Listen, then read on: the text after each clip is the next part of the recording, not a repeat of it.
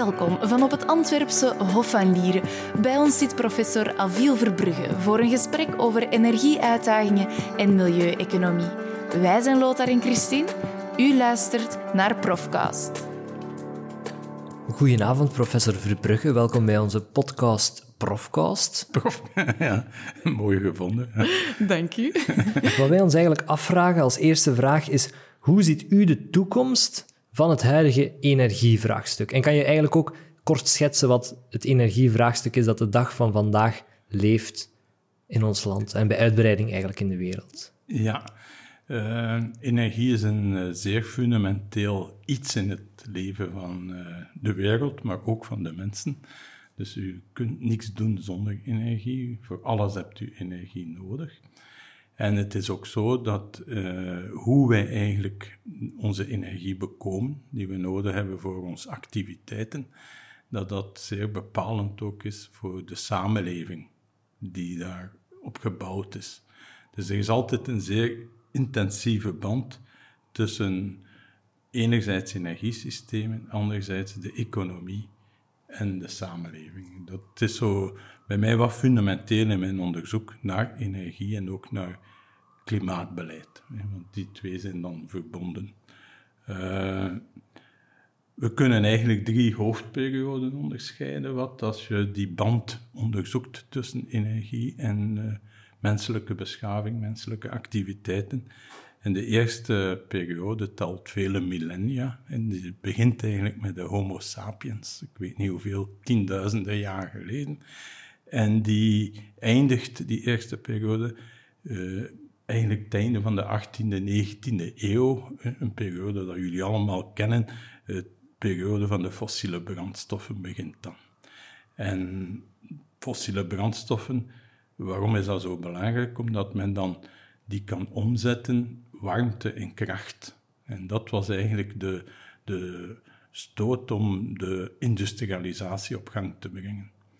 En die stoom die opgewekt wordt, is direct gebruikt, gelijk in een stoomtrein of zoiets, maar wordt ook vooral gebruikt om elektriciteit te maken. En we gaan zien dat dat gebeurd is vanaf het einde van de 19e eeuw. Dus elektriciteitsverdeling dateert van de jaren 1880 in de grote steden. En op het platteland heeft dat dan nog 50 jaar, 70 jaar geduurd voordat dat verspreid was in de industriestaten. En je kijkt rondom u in de wereld, er is nog altijd ongeveer 1,5 miljard mensen dat geen toegang heeft tot elektriciteit. Dus dat moet nog altijd verder verspreid worden, zodat mensen die fantastische energie. Uh, ik kan niet zeggen bron, want het is geen bron, maar dat fantastische energie uh, transportmiddel kunnen gebruiken. Hoe komt dat zo dadelijk toe? Elektriciteit is geen energiebron, het is een omzetting van in andere energie. Nu, de derde periode is die van de moderne technologie van de hernieuwbare energie. Uh, en wat is dat? Dat wij op een zeer efficiënte wijze nu uh, elektriciteit kunnen oogsten uit stromen in de natuur aanwezig. En die stromen zijn de wind, is het zonlicht, is het water, is soms ook oceaankrachten die zijn, zoals golfslag bijvoorbeeld. Golfslag is omgezette windenergie, waar men ook tracht elektriciteit uit te winnen.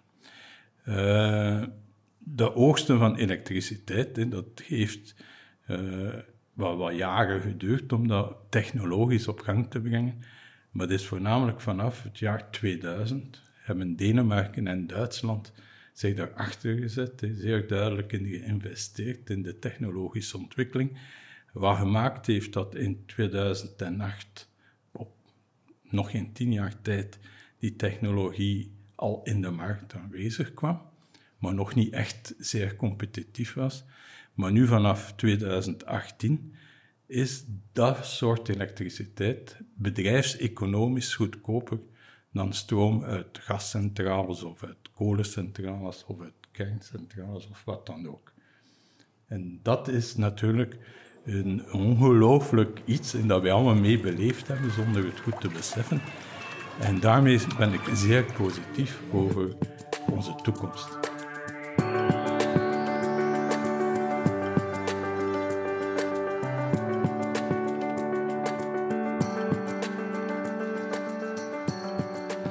Heb dat in een mooi tekeningetje gezet. Om elektriciteit te bekomen heb je een energiestroom nodig. Als je een energiestroom vanuit stoom wilt hebben, een stoomstroom, dan heb je enorm veel investeringen nodig in het vinden van fossiele brandstoffen, die zuiveren, die aanvoeren, die kolen sorteren, dan grote kolenbranders enzovoort. Het kost allemaal massaal veel geld. Dan heb je je stoomstroom, gaat door de turbine, maakt elektriciteit. Maar dan is het nog niet gedaan. Dan heb je je afvalgassen, je afvalstoffen, je uh, koelwater dat je nodig hebt om dat te koelen in dat systeem. Terwijl bij de wind is dat heel simpel. De wind waait, er wordt een stuk energie uitgenomen en de wind waait voort. Dus u hebt geen kwabben, niet aan de voorkant en niet aan de achterkant van dat proces. Het is eigenlijk dat dat maakt dat dat structureel goedkoper is en altijd nog goedkoper wordt dan uh, elektriciteit uit, uit stoom. En dan komen we ook bij het nucleaire. Al wat nucleair doet, is water koken, stoom maken en dan in een turbine omzetten naar elektriciteit. En dat is ook een zeer duur proces, uraniummijnen, uh, yellow cake maken, aanreiking, uh, noem maar op, brandstof, dingen. Dan in een reactor, een enorme reactor, grote maatregelen. En het is hetzelfde proces om eigenlijk die stoomstroom te doen.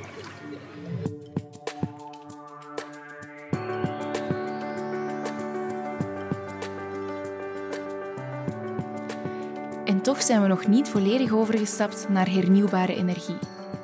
Wel, het punt is dat wij als samenleving, dus alle mensen, u en, en, en ik zelf ook, enorm veel bochten gaan moeten maken, 180 graden bochten, om af te kicken van onze preferenties van die tweede periode, van fossiele brandstof. Uh, in, ons, in ons formuleren, in ons denken, in onze preferenties, instituties enzovoort. Uh, ik heb gezegd dat dat bijvoorbeeld al is met onze houding ten opzichte van de natuur. En nu gedragen we ons nogal als een soort meestervernietiger. Wat zijn fossiele brandstoffen? Dat zijn opgeslagen voorraden door de zon van energie in het lange verleden. En nu, die die er toevallig op woont, ja, die haalt die boven en gebruikt die en verbrandt die. En veroorzaakt enorm veel problemen voor de samenleving. Maar natuurlijk geeft dat veel macht en geld. Als je dat kunt doen. En u zult zien dan dat alle oorlogen die zich nu afspelen in het Midden-Oosten, op het moment gaat het niet om olie te veroveren of zo, maar gaat het vooral om te zorgen dat dit uw vijand geen olie meer kan verkopen op de markt. Dus we hebben ook zo ontleed en gepubliceerd. Dus de oorlogen is niet om het te weinig aan olie, er is veel te veel olie en gas op de wereld, maar om te zorgen dat uw vijand niet kan verkopen. En daarmee destabiliseert je Irak en vernietigt je het systeem in Libië en uh, houdt je Iran uit de markt met embargo's enzovoort. Dus dat is de essentie van beleid. Goed, we wijken eventjes af.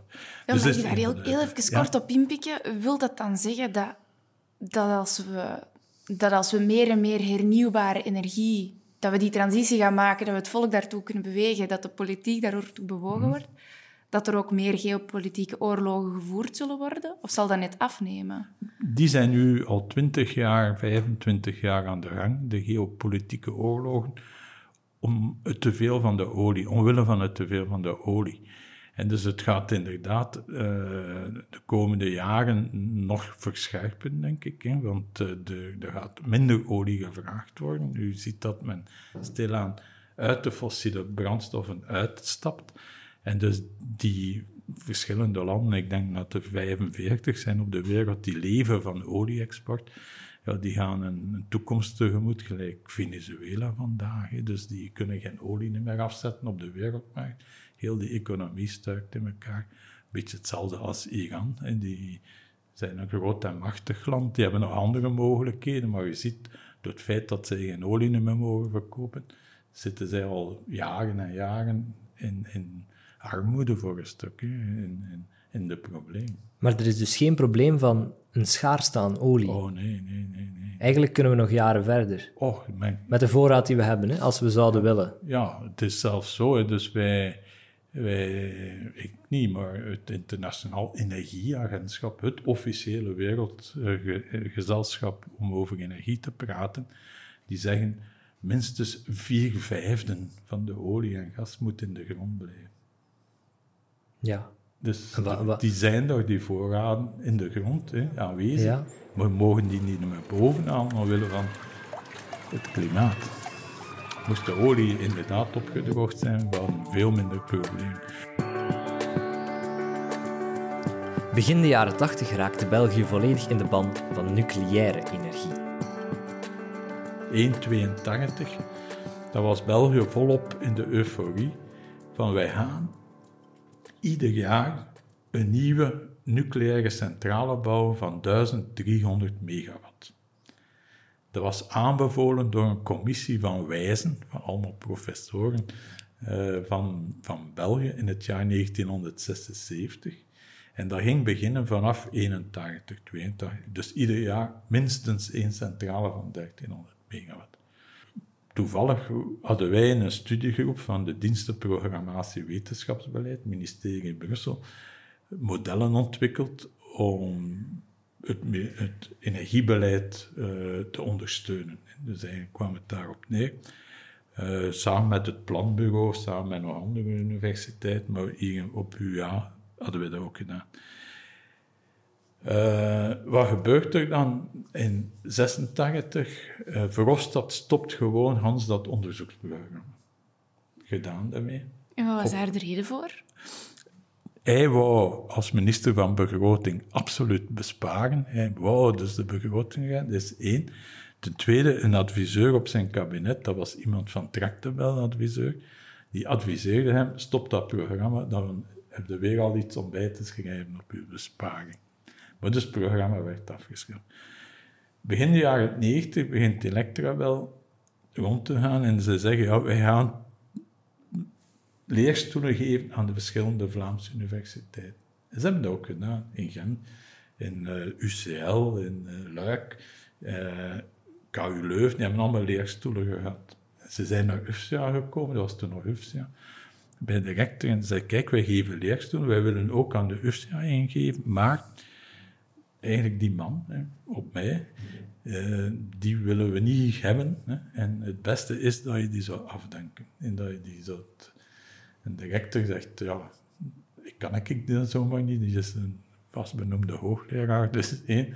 Plus, dat, dat zou wel wat, wat, problemen geven, sowieso. Dus, ja, dan hebben zij gezegd, die niet weg, jullie krijgen geen leerstoel. Dat is het juiste verhaal. Omdat, u te, omdat u te kritisch bent, of omdat was? ik te kritisch ben en te onafhankelijk. Ik vind een academicus moet onafhankelijk zijn. Allee, dat is duidelijk. Wij worden betaald door de belastingbetaler. U krijgt daar het geld om uw zelfstandig wetenschappelijk onderzoek denken te ontwikkelen. En als je u laat afhangen van een lobbygroep, ook al is dat zo gezegd maar vriendschappelijk en allemaal niet, dat, dat gaat niet. Dat gaat niet samen. Je moet echt onafhankelijkheid. Dat is het belangrijkste.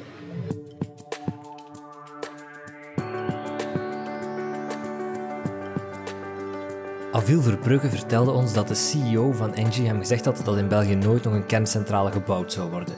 Ik vroeg hem of dat goed nieuws was. Dat is zeker goed nieuws voor uh, verschillende argumenten. Ten eerste, het is veel te duur. Ten tweede, het is niet het belangrijkste, maar het is veel te duur. Maar als economen zullen jullie dat meerekenen. uh, het is onveilig.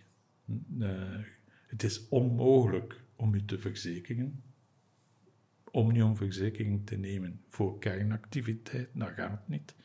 Dus als er een accident gebeurt, krijg je toestanden als Fukushima, waar dat uiteindelijk de meeste van de kosten op de staat worden gelegd. Uh, kunt u niet verzekeren. U hebt een groot probleem van uh, proliferatie, zoals we dat zeggen, van de technologie. Iemand die in staat is om echt kerncentrales te bouwen, te verrijken, het uranium tot niveau dat nodig is voor een centrale, kan het ook doen om bommen te maken. En veel landen in de tijd die zo sterk geïnteresseerd waren in kernenergie, gelijk Pakistan, wilden per se zogezegd een kerncentrale, maar eigenlijk wilden ze een atoombom. En die hebben ze ondertussen. Dus door, door die technologie te kennen. En het laatste, en niet het minst, is natuurlijk het eeuwigdurende afval dat bij ons blijft. Je ziet soms wel krantenkoppen, gelijk dit weekend in de tijd, dat wij het nucleair afval kunnen vernietigen, maar dat is niet waar. Hè. Er is een paar actiniden die men kan van vorm veranderen, maar is zeker niet het kernafval dat het probleem um, oplost. Waarom moeten wij schrik hebben voor, voor dat afval? Wel, afval is zeer toxisch. Hè. Niemand wil. Ieder land zit met een probleem van hoeveelheden afval. Uh, gewoon tussendoor. De ramp in Fukushima die is hoofdzakelijk zo groot geworden omdat het afval van de centrales, dat moet, als, als, als brandstofafval, als dat eruit komt, moet dan nog tientallen jaren afgekoeld worden in bassins. Waar zet je die bassins? Hier in België staan die in Doel ook. Je hebt de gebouwen met zo, allemaal die bassins met dat kernafval. Maar in Fukushima had men niet anders gedaan dan, dan dat in het reactorgebouw zelf gezet. Dat afval. En dus uh, de zaterdag, als, als dat accident zich begon te ontwikkelen, kreeg ik telefoon van de radio en die zei, er zijn ontploffingen uh, op een reactor in, in Fukushima. Ik zei, ja, maar een reactor, dat kan niet ontploffen. Dat smelt, maar dat ontploft niet. Maar wat er wel ontploft, is het waterstof dat ontstaat van de omhulsels van die brandstofstaven, die uh, verdampen.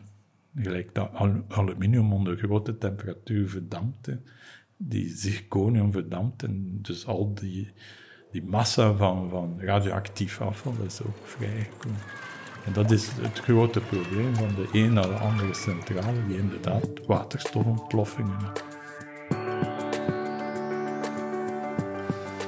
Ondanks de wet op de kernuitstap uit 2003 blijft kernenergie een veelbesproken politiek onderwerp. Dat komt door, de lobbygroepen toen nog met de elektriciteitsmaatschappij, die daar dachten, ja, dat is wel een deel van de toekomst, op zijn minst. Uh, maar u hebt ook natuurlijk altijd hetzelfde fenomeen honderden, duizenden mensen die in verschillende instituten, gelijk Euratom, gelijk het Internationaal Atoomenergieagentschap, zoals bij de OESO, de Nuclear Energy Agency van de OESO, dat zijn honderden mensen die tamelijk hoog in de piramide zitten, die daar het internationale denken mee beïnvloeden en die trachten hun, hun, hun broodwinning te behouden. Dat is, je moet er ook geen, dat is geen misdadig gedrag, dat is een belangen. Zij verdedigen hun belangen. En zij verdedigen hun belangen op vrij korte termijn. En ze doen dat met de meest uh, ja, typische middelen van de laatste 10, 15 jaar. Dat is met heel veel fake news. Dus men heeft in 2007, in de zomer van 2007, is er in Brussel, met verschillende elektriciteitsmaatschappijen, een, uh, een, bijeenkomst geweest met Saatchi en Saatchi en nog andere grote bureaus, maar dat is het meest bekende, om het nucleair forum nieuw leven in te blazen. Dat bestond, maar dat sliep. En dat nieuw leven inblazen was, we moeten de nucleaire renaissance, want dat dachten ze zo na Chernobyl in 2000, nieuw leven geven spreken van 2007, voor Fukushima natuurlijk. En dus men heeft dan een strategie ontwikkeld hè, die zeer gelijkend is. Ik heb die helemaal ontleed. Zeer gelijkend is als het boek Merchants in Doubt. Kent je dat boek, Merchants in Doubt? Nee. Dat is geschreven door twee Amerikanen over het gedrag van de tabaksnijverheid en van de klimaatontkenners in de Verenigde Staten. Hoe dat zij een, een fake news verhalen opzetten. En eigenlijk is juist hetzelfde gebeurd in het nucleaire. En hoe hebben ze dat dan gedaan? Hoe hebben ze dat aangepakt? Wel, hoe hebben ze het aangepakt? Hè? Je, kunt dat in zeven stapjes ontleden en je kunt dat ook vinden in mijn publicaties natuurlijk. Uh, het, het, eerste is een beetje van uh, te zeggen, de, de, twijfel te zagen wil zeggen, ja, nucleair is toch wel technologisch een moeilijk iets. Wie snapt dat nu eigenlijk helemaal volledig? Dat is veel probabiliteiten en, en, en atomen die splitsen. Hè? Een uranium atoom splitst in andere atomen. Dat is een kansverdeling enzovoort. Allemaal zeer ingewikkeld. Ja, wij snappen het zelf niet zo goed. Hè? Snapt u het eigenlijk wel? Nee, ik zie aan uw gezicht dat het eigenlijk ook niet goed snapt. Dus... Twijfel zaaien op die manier Twijfel bij de mensen. ja. Hoe kun je er tegen zijn? Hè? Ah, Tegen iets dat je niet goed snapt. Dat is zo een eerste. Dan hebben ze ook hun taal natuurlijk veranderd. Vroeger, als ik jong was en met hen in discussie, dat was de, als je één woord kritiek eh, formuleerde op kernenergie, en wat ik begon te doen in 1981, dat was onmiddellijk een vijand. En om de deur werd hun kamp van vijanden altijd groter, want er waren wel veel mensen die wel vragen hadden. Hebben ze totaal omgedraaid. Nu is iedereen die geen absolute tegenstander is, dat is één die ook pro is. Dus ze zijn dat omgedraaid. Dus kernenergie is niet de oplossing, maar er is geen oplossing zonder kernenergie. Dat is de nieuwe slogan. Vroeger was kernenergie, had alles oplossen. En dat hebben ze ook veranderd. Uh, wat ze nog veranderd hebben, is zeggen, wij zijn de ideale partner voor samen met hernieuwbare energie het klimaatprobleem op te lossen. Wat, als je goed kijkt naar hoe elektrische systemen functioneren en werken, niet het geval is. Het probleem is dat die twee technologieën, hernieuwbare energie, dat is niet flexibel. Dat is er alleen als de natuur het wil. Ja, dat is het grote probleem daarvan. Het is alleen heel flexibel om het af te zetten. Een windmolen afzetten is heel simpel. Draait hem uit de wind en het is gedaan met produceren. Kernenergie is ook zeer inflexibel. Die moeten continu blijven draaien. Op hun maximum vermogen. En ze kunnen wel wat verminderen in, in vermogen, maar ze kunnen niet tot nul verminderen. Want als ze dat doen, dan hebben ze dagen nodig om weer op te starten. Die zijn ook inflexibel. Nu, die twee, zogezegd oplossingen tezamen, die vechten voor dezelfde plaats. De eerste plaats in te mogen produceren. En we hebben dat nu al vastgesteld over de laatste jaren, dat op verschillende momenten er veel te veel hernieuwbare energie in Europa aanwezig is. Te veel. En de vermogens zijn belangen nog niet uitgeput, maar op sommige momenten. Maar elektriciteit is iets van seconden. In iedere seconde moet het systeem in evenwicht zijn. En dan is de vraag, ja, wie mag nu leveren? Die wind en zon of die atoomcentrales? En dus ze botsen met elkaar. En als je dan zegt, ja, 11 en 11, ja, een businessmodel verdwijnt daar. Als jij met een elf van de tijd met uw vermogen klanten mocht bedienen, dan is uw investering niet rendabel. En vooral voor kernenergie, als die bijvoorbeeld 20% niet zouden mogen produceren, dan is het al helemaal niet betaalbaar. Aan veel Verbrugge durft wel eens kritisch zijn voor het energiebeleid, onder andere voor de groene stroomcertificaten. Het, het ging er eigenlijk om dat wij certificaten toekenden. En dus certificaten aan iedere megawattuur groene stroom. Zonder onderscheid te maken of dat die nu voortkwam van zonnepanelen die op dat moment totaal niet rijp waren, hè, dus een technologie die nog moest beginnen, wind of biomassa. Wat zag je natuurlijk? Dat die mensen van de biomassa vonden dat fantastisch. Hè. Afvalverbrandingsovens kregen plots certificaten voor hun elektriciteit die ze uit basis van afval produceerden. Investeringen die al allemaal betaald waren door de burgers daarvoor. En dan plots kregen ze daar geld voor. Evenveel als van wind en zo.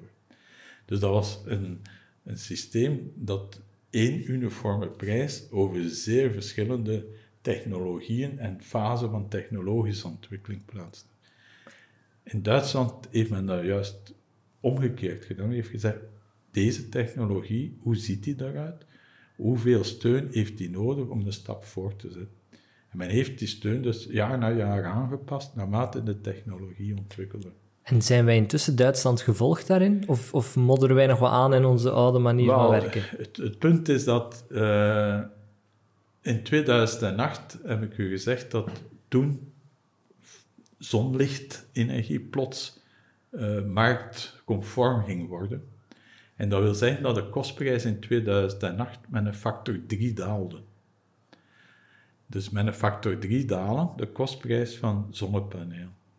In België bleef men dezelfde steun geven, continu voort, terwijl dat de prijs daalde zo enorm. En we hebben dan gezien een explosie van zonnepanelen op alle mogelijke daken, want het was de beste investering voor uw spaarboekje. Dus de mensen hadden gelijk dat ze dat deden. Maar wij als overheid moesten gezegd hebben, die kostprijs dat, dus die dingen moet dalen. En dat deed men in Duitsland wel veel sneller dan bij ons. En dus die miljardenfactuur die we nu hebben van die zonnepanelen uit het verleden, komt, is niet de schuld van dat de zonnepanelen te duur waren. Nee, het was juist als de goedkoop werden, maar door een totaal tekort aan beleidsmatig inzicht.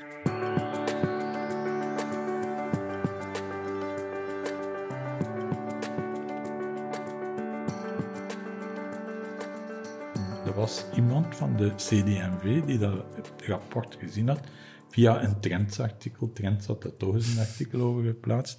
En die stelt een vraag in het Vlaams parlement aan zijn minister, hè, want dat is ook een CD&V-minister, Krevits, verantwoordelijk voor energie.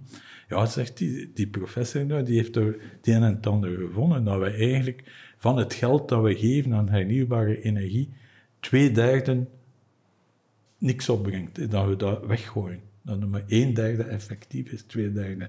Het is allemaal met cijfertjes uh, berekend. En wat werd er geantwoord? En er werd geantwoord, oh ja, ja, maar ons Vlaams systeem is toch veel beter dan het Duitse. En ze keuvelden voort.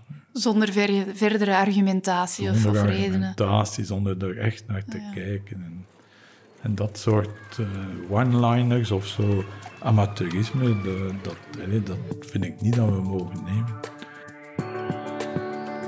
Dit was Profcast met Aviel Verbrugge, deel 1. Beluister zeker ook deel 2 via uantwerpen.be, schuine streep, Profcast.